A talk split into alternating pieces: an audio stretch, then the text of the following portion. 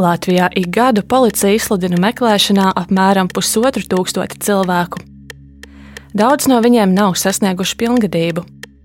Apmēram desmito daļu no visiem pazudušajiem cilvēkiem tā arī neizdodas atrast. Viss sākās, kad jau uh, mans brālis pazuda no sakariem sociālajos mēdījos. Bez vēsts pazudušus cilvēkus meklē ne tikai policija. Mēs to darām ar sirdi un dvēseli. Mēs meklējam savu bērnu. Pagājušā gada nogalē Rīgā pazuda divi jaunieši, kuri vēl joprojām ir izsludināti meklēšanā. Vai policija ir darījusi pietiekami, lai viņus atrastu?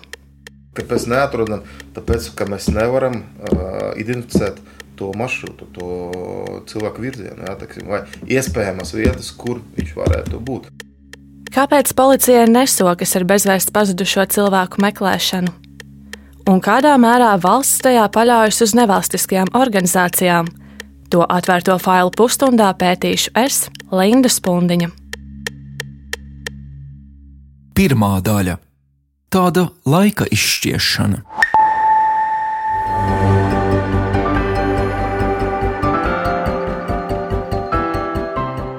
Pagājušā gada decembrī televīzijā kā ik vakaru sākas panorāmas ziņu izlaidums. Bez vēsts pazudis mūsu kolēģis Kristēns Cintars. Viņš ir 22 gadus vecs jaunietis. Kristēns, kurā tālu pat labi redzat, 7. decembrī, tātad vakar no rīta izgāja no savas darba vietas šeit Latvijas televīzijā un līdz šim brīdim nav atgriezies mājās. Kristers ir slaids jaunietis ar tumši brūniem matiem un ikdienā nesā brilles. Viņam ir ciešas attiecības ar māsu Kitiju Dzinteri, kura ir trīs gadus par viņu vecāka. Kitija stāsta, ka ar Kristēru sazinājās katru dienu. Viss sākās 7. Eh, decembrī, 8.30. Eh, kad jau uh, mans brālis pazuda no sakariem sociālajos mēdījos. Tad jau arī bija tas iekšējais uztraukums, ka tas nav tipiski viņam. Viņa cerēja, ka brālis ir aizņemts darbā, kas Kristram ir ļoti svarīgs un arī patīk trijos vai četros aptuveni. Ap to laiku es saņēmu ziņu no viņa labākā drauga, kad ar viņu ir sazinājušies no mana brāļa darba kolēģi, kad Kristers vispār nesot bijis vairs darbā, tad, kad viņam jābūt. Kristers devās uz darbu uz pusdeviņiem no rīta, bet tieši deviņos aizgāja projām. Tad es sapratu, ka nu, galīgi nav kaut kas kārtībā, jo, ja viņam ir jābūt darbā un ja tur ir nopietna sapulce atbildīga, tad tas nav viņa raksturā vienkārši aizbēgt projām.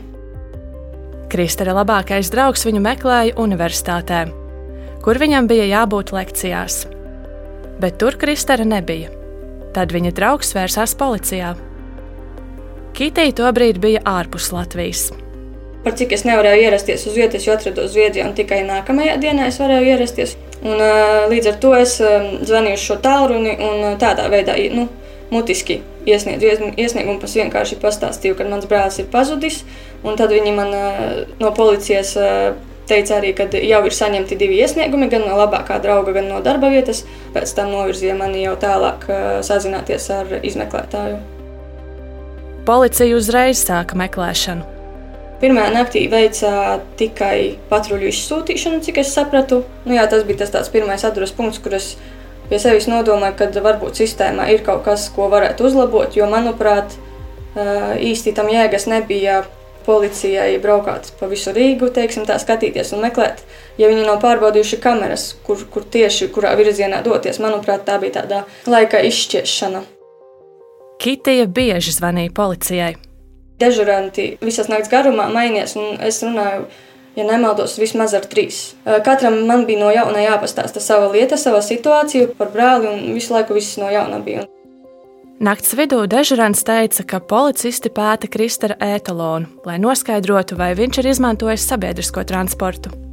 Un tad man teica, vienkārši, lai 7. rītā, nākamajā dienā, 8. decembrī, es uzzvanot un būšu atbildē. Bet tad, kad es uzzvanīju 7. no rīta, tad man šis jaunais atnākušais cilvēks teica, ka viņam informācijas par to nesot, jo viņš tikko esot uzsācis darbu. Aktīvākais policistu darbs sākās trešajā dienā.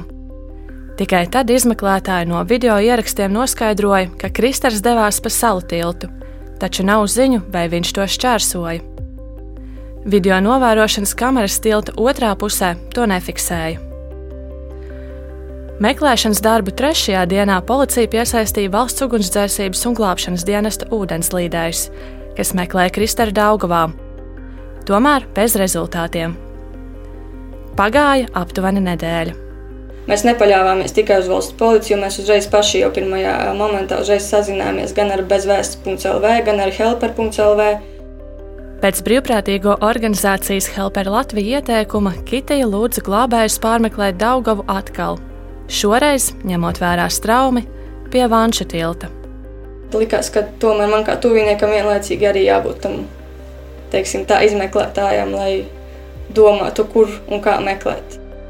Tomēr ūdenslīdēji atkal neko neatrada. Kad tomēr tev kā tuviniekam nav laika īsti tajā sāpē gremdēties, jo tu esi līdzdalībnieks tajā visā meklēšanas procesā. Tomēr tas nav tā, ka tu tikai nodod organizācijām un iestādēm uh, šo darbu viņu rokās, bet arī tomēr tev ir, jābūt tam spēkam iesaistīties un kurā brīdī varbūt pabakstīt vai atgādināt. Kad ar Kitiju sarunājamies, viņas brālis ir pazudis nepilnus divus mēnešus. Līdz šim brīdim eh, tā arī nu, nav apstiprinājies, vai viņš ir pārgājis no eh, pāri salu tiltam, vai nu viņš ir palicis tur un eh, sliktākajā gadījumā ir Daugavā, piemēram. Pēc neilga laika upi atkal pārmeklēja ūdenslīdēji. Taču šoreiz viņi meklēja kāda cita pazuduša jaunieša mirstīgās atliekas. Otrā daļa - Sapinies tīklos.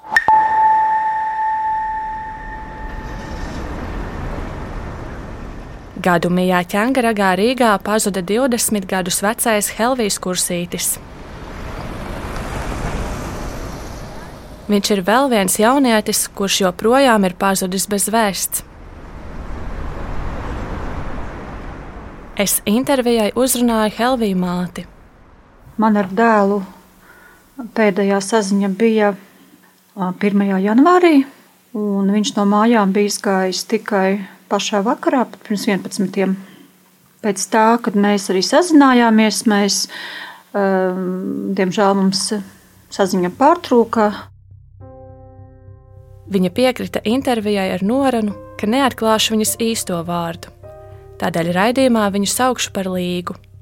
Otrajā dienā, 1. janvārī, cilvēki caur sociāliem tīkliem atrada viņa telefonu.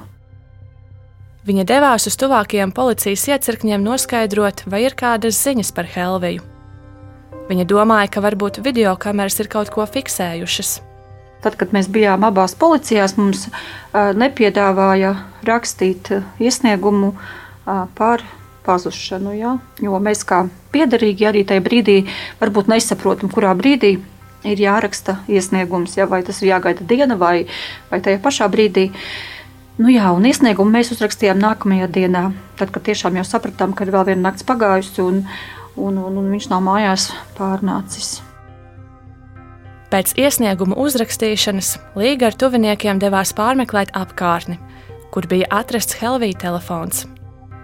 Tur viņi atrada arī dēla cepuri, savukārt vietējiem jaunieša pasi un bankas karti. Tajā pašā dienā policija piesaistīja ūdenslīdējus. Viņi pārmeklēja Daugavas krastu, netālu esošo ķēngara gadīti, jo pieļāva, ka Helvijs varētu būt noslīcis. Tad pienāca trešā diena. Tas bija pusdivos dienā. It kā zvanīja Jēkabpils policija, mm, kuras laikā man informēja, ka, ka dēls ir atrasts Jēkabpilī, Daugavā. Eh, nožņaukts, sadurts kājā un sapinies tīklos. Līga par saņemto zvanu informēja policijas inspektoru Rīgā, ar kuru bija sazinājusies. Viņa lūdza pārbaudīt informāciju. Pēc kāda laika atkal man zvanīja šis numurs no Jēkabpils un teica, jā, ka ar viņu ir sazinājušies Rīgas darbinieki un, un visu pārņemot Jēkabpils. To vakarā Līgai apstiprināja arī izmeklētājs no Rīgas iecirkņa. Mēs teiksim, tā mēs tajā dienā viņu apbērējām. Ja, nu, mums jau nebija citu variantu. Mēs sākām domāt, kur, kā, ko. Bet tā nebija patiesība. Kāds gan līgu, gan arī izmeklētājus tīši maldināja. Es nezinu, kā var būt, ja mums kā piederīgos kāds var apmānīt, bet nu, 9 stundas arī, arī policijas darbiniekus. Jā, nu, tas kaut kas vienkārši prātam neaptverams. To, ka notiek maldināšana, Līga saprata tikai tad, kad devās uz policijas iecirkni rakstīt iesniegumu. Viņa gribēja, lai lietas izmeklēšanu pārņem valsts policijas organizētās noziedzības pārvalde, nevis Jēkabils policija. Dežūrdaļa skatījās šajās datu bāzēs un teica, ka neviens nav atrasts Jēkabpilī. Un pēc kāda uh, brīža arī zvanīja šis Rīgas inspektors. Viņš teica, uh, šī persona, tātad šis viltus uh, nu, zvans apmānīja jūs, mani un manu šefu. Viltus zvana dēļ Līga vērsās policijas iekšējās kontrolas birojā un lūdza izvērtēt notikušo. Kādiem ir jābūt šiem cilvēkiem, vai kādiem ir jābūt vispār mm, necilvēkiem, lai vispār kaut ko tādu izdomātu, lai tādā brīdī tuviniekus vispār šādi maldinātu. Un arī man patiesībā nu, policijas profesionālitāte ir jautājums, kā var, kā var šādi policija tik nu, bezatbildīgi.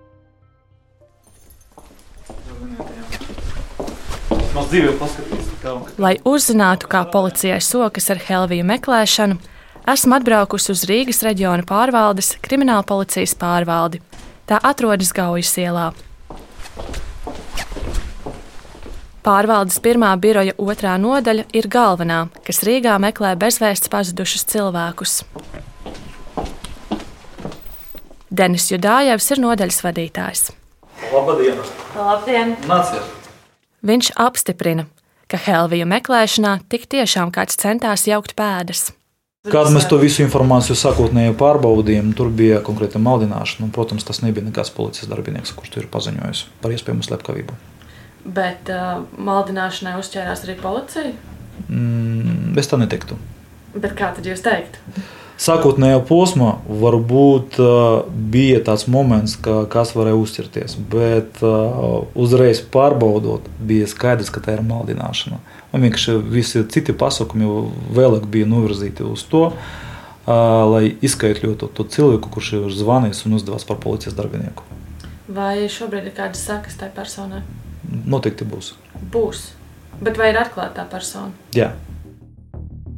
Savukārt, lai atrastu jaunieti, policisti ir pārbaudījuši lielu informācijas apjomu. Gan potenciālu atsaucinieku aptauja, nopratināšana, un attiecīgi arī video ierakstu izņemšana un video ierakstu izpēta. Protams, nu tā informācijas kopumā, nu, ko, kuru mēs esam jau ieguvuši, nu, tad mēs arī izvirzām pamatversijas.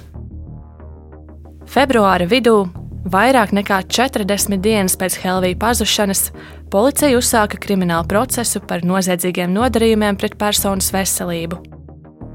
Tomēr neko vairāk Judājevs man neatklāja, jo Helvijas joprojām nav atrasts.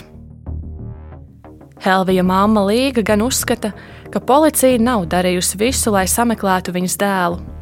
Viņa stāsta, ka ar izmeklētājiem ir grūti sazināties.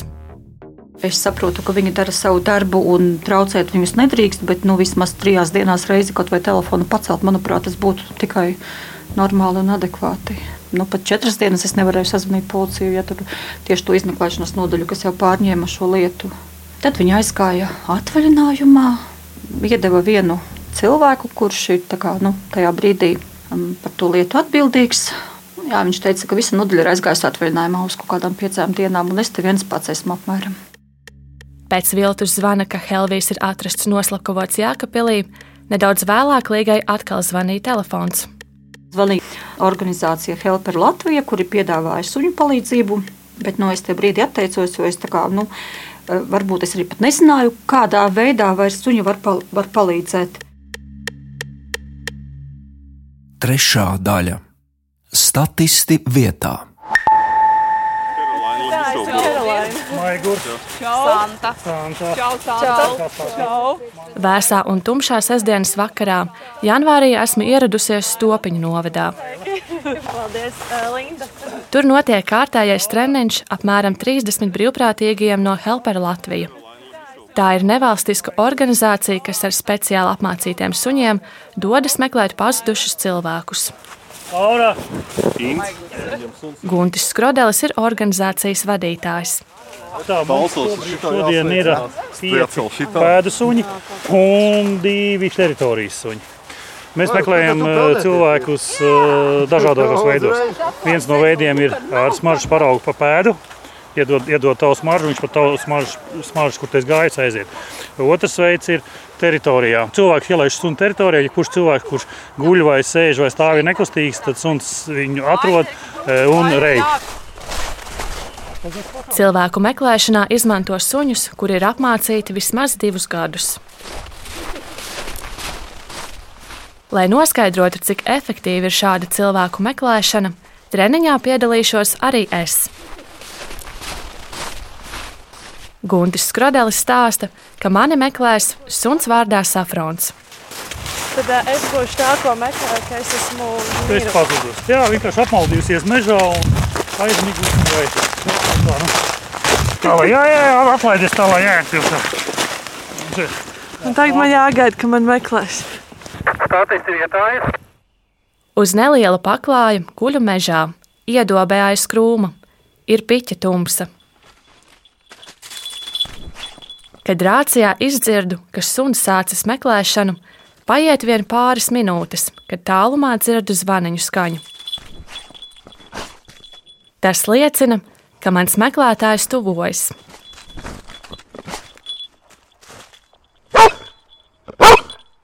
Ar skaļo riešanu suns signalizē, ka man ir atradis. Pēc pāris minūtēm ierodas safrona saimniece.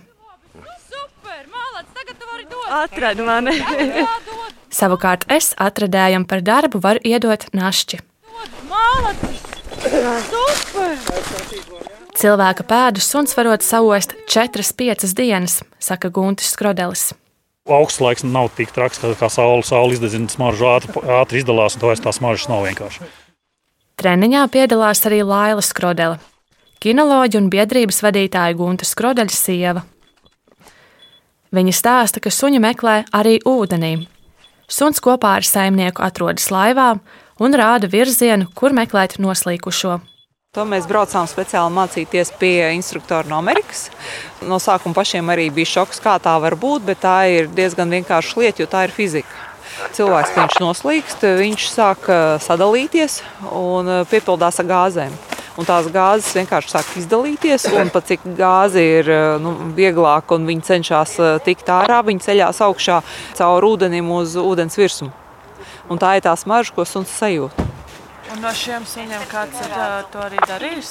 Jā, mums uh, Safrons ir apmācīts to darīt. Viņš strādāja mums, uh, kad pazuda cilvēks netālu no Pāvilos. Suņa palīdzība pazuduša cilvēka meklēšanā ir neatsverama saka Guntis Skrodelis. Kad tev cilvēks pazūd, tu nezini, uz kur pusi 360. Tu viņš var iet, a suns ir tas, kurš parāda, ka viņš ir šī virzienā. Brīvprātīgo organizācijas palīdz meklēt pazudušos gan tad, kad tuvinieki vēršas pēc palīdzības, gan tad, kad policija lūdz iesaistīties. Visbiežāk gan pirmie lūgumi izteica pazudušā radinieki, kuri reaģēja vēl pirms policijas. Pirms Guntis Skrodelis dažus gadus iepriekš kļuva par Helpera Latviju vadītāju, viņš ilgu laiku strādāja bezvēsts LV. Tā ir otra un lielākā organizācija valstī ar gandrīz 200 brīvprātīgajiem, kuri palīdz meklēt pazudušus cilvēkus. Gan Helpera Latvija, gan arī Bezvēsts LV ir valsts policijas strateģiskie partneri. Tas nozīmē, ka organizācijas sadarbojas ar policiju un sniedz tai gan informāciju, gan arī palīdz meklēt cilvēkus. Par sadarbību ar Bezvēsts LV jautāju Guntim Skrodelim. Viņi ļoti, ļoti labi dara. Jūs sadarbojaties? Uh, Vai notiek meklēšanas reizē? Me, meklēšanas reizē, jā. Viņi meklē, mēs meklējam, tā, tā, tā, tā sadarbība ir.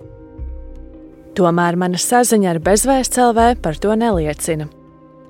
Kad vērsos biedrībā ar lūgumu pēc intervijas, organizācijas pārstāve piekrita runāt tikai ar kategorisku nosacījumu, ka raidījumā neiekļauju interviju no Helpera Latvija.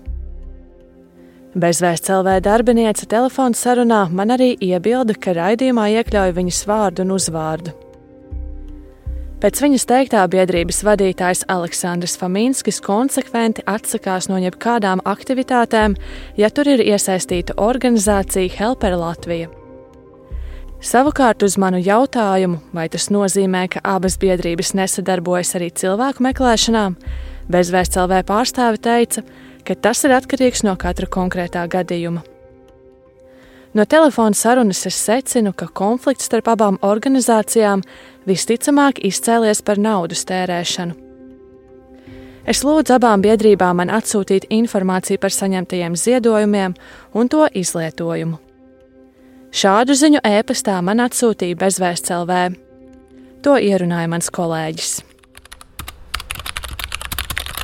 Biedrība sniedz norādīto informāciju saviem biedriem, kā arī valsts un pašvaldību institūcijām, to funkciju izpildes robežās un atbilstoši kompetencei un ziedotājiem. Ja jūs ziedojāt biedrības bezvēselvē labā, tad lūdzam paziņot par to, un jums tiks sniegta atskaita par ziedojumu izlietojumu, neatkarīgi no ziedojuma summas. Aiz pagājušā gada beigās bezvēsts LV ieņēmumi bija vairāk nekā 37,000 eiro. Vairāk nekā pusi tā saņēma ziedojumos un dāvinājumos. Biedra naudu iemaksa ir nepilni 3000 eiro. Kopš biedrības dibināšanas vidēji gadā saņemto brīvo naudas ziedojumu apjoms ir visai neliels un nav pietiekams pat biedrības administrēšanas izdevumu sekšanai. Tā rakstiskā atbildē stāsta bezvēsts LV.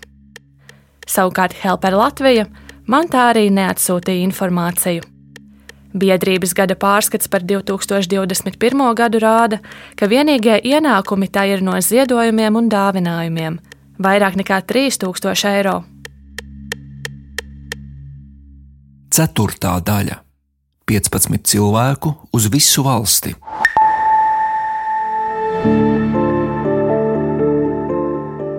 To, ka abas brīvprātīgo organizācijas Bezvēsts LV un Helper Latvija konfliktēm ir pamanījusi arī valsts policija. Vai tas ietekmē pazudušu cilvēku meklēšanu valstī? To jautāju Romanam Jašinam, galvenās krimināla policijas pārvaldes slepkavību atklāšanas un personu meklēšanas nodaļas vadītājam. Es nu, pateikšu tā, ka ir savi nu, trūkumi, jā, nevis sadarbības modeli, jā, bet laikam nu, komunikācija, paša komunikācija. Jā. Tas nekādā ziņā neietekmē to meklēšanas procesu. Jā. Pagājušajā gadā policija Latvijā bija izsludinājusi meklēšanā gandrīz pusotru tūkstoti cilvēku. Vidēji katrs trešais no viņiem ir nepilngadīgais. Policijas statistika arī rāda, ka pagājušā gada beigās likumsargiem nebija izdevies atrast apmēram pusotru simtu cilvēku. Turpina Romanis Jašins. Kāpēc neatrodam? Tāpēc, ka mēs nevaram uh, identificēt to maršrutu, to cilvēku virzienu, jā, teksim, vai iespējamas vietas, kur viņš varētu būt. Ja pat tādas ir, vietas ir, ja bija gadījumi, kad mēs jau zinām, ka cilvēks ir tajā kvadrātā, pat tad var, nu, arī mēs nevaram atrast šo cilvēku daži faktori. Nu, gan cilvēciski, gan laiks, apstākļi un pārējais. Otra problēma ir kadru trūkums pašā policijā. Slodze nenormāli liela. Jā. Pašreiz nodaļā man ir 21 štata vieta. Reāli tagad man trūkst 6 darbinieki. Nu, tad 21 minus 6. Reāli fiziski man ir 15 cilvēki uz visu valsts. Tāpat daudz vietā Latvijā nav uzstādītas video kameras un trūkst vienota video ierakstu tīkla. Savukārt privāta personas ierakstus nevienmēr saglabā. Un, lai piekļūtu un uh, izgūtu šos datus, nepieciešams nu, nenormāls ilgs laiks. Pie tā strādā, jā, jo tas nav vienas dienas jautājums. Jā. Tā ir ļoti milzīga problēma, un šis risinājums maksā ļoti dārgu naudu. Jā, nu, un, lai to atrisinātu, protams, ka vajag finansējums. Jā, un, un tā ir tā vienīgā liela problēma, kāpēc mēs vēl neesam iegādājušies un ieviesuši Latvijā tādu sistēmu. Tā kā Bezvēsts LV un Helper Latvija ir policijas strateģiskais partneris, tad realitātē tas nozīmē, ka cilvēku meklēšana lielā mērā faktiski balstās uz abu organizāciju pleciem. To, ka brīvprātīgie atslogo policiju, kas jau ilgstoši cieš no darbinieku trūkuma un ir resursi, ar ko rēķināties, man stāsta arī Romanis Jašins. Katra situācija ir nu, savs, savā ziņā ir unikāla. Jā, ja mēs runājam par, par kādas konkrētas personas meklēšanu, un mums ir pieejami gandrīz visi tehniskie resursi. Jā. Ja pat mums nav tādu resursu, jā, nu, tehni, es domāju par tehnisku resursu, tad mums ir eh, sadarbības partneri, mums ir privāti firmas, jā, eh, pie kuriem mēs varam un mēs griežamies, nu, lai viņi sniegtu mums tādu veidu palīdzību. Jā. No pazušanas brīža policija cilvēkus Latvijā meklē desmit gadus. Pēc tam tiesa pēc tuvinieku vai prokuroru lūguma pazudušo izsludina par mirušu. Pēdējo 30 gadu laikā šādi par mirušiem ir pasludināti apmēram 600 cilvēku. Kamēr policija turpina meklēt pazudušo Helviju, arī jauniešu mamma Līga cenšas pašas spēkiem darīt visu, lai dēlu kopā ar tuviniekiem atrastu. Mēs zinām kaut kādas lietas daudz, daudz vairāk nekā policija. Ja? Tāpēc viņš mums ir vienīgais, ja? un tāpēc mēs to darām ar sirdi un dvēseli. Mēs meklējam savu bērnu. Viņa stāsta, ka milzīgo pārdzīvojumu laikā viņai neviens nav piedāvājis psiholoģisku atbalstu. Es nekad nevarētu iedomāties, ka tāds cilvēks var justies vai, vai tādas sāpes vispār var. Nu, būt, kuras tu pārciet pēc šādiem gadījumiem. Bet eh, mūsu valstī ir eh, svarīgs papīrs, birokrātija. Katrs papīrs ir jāparaksta, ir kaut kādas jāgaida atļaujas ilgstošas, un cilvēka meklēšana vai cilvēciskā vērtība, manuprāt, ir kaut kur otrajā plāksnē. Savukārt brīvprātīgiem no organizācijas Helper Latvija ir sava versija par to, kas noticis ar pazudušo Kristaru Dzintaru stāsta biedrības vadītājs Guntis Skrodelis. Tā kā mēs gājām no televīzijas, un pēda aizgāja līdz tilta vidum, un tur, vairs, tur beidzās tā pēda.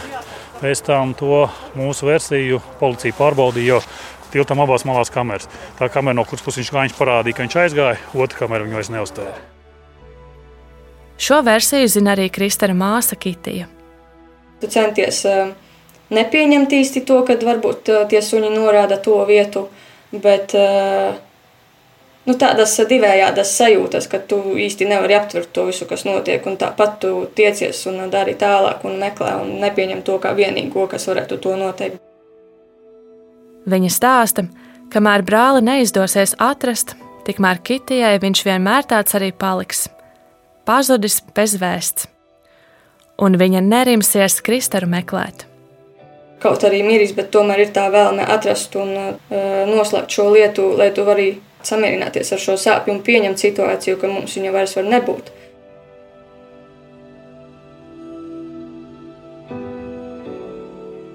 Raidījumu veidoja Linda Spundiņa, Ģedards Ķelzis un Reinas Budze. Atvērtie faili!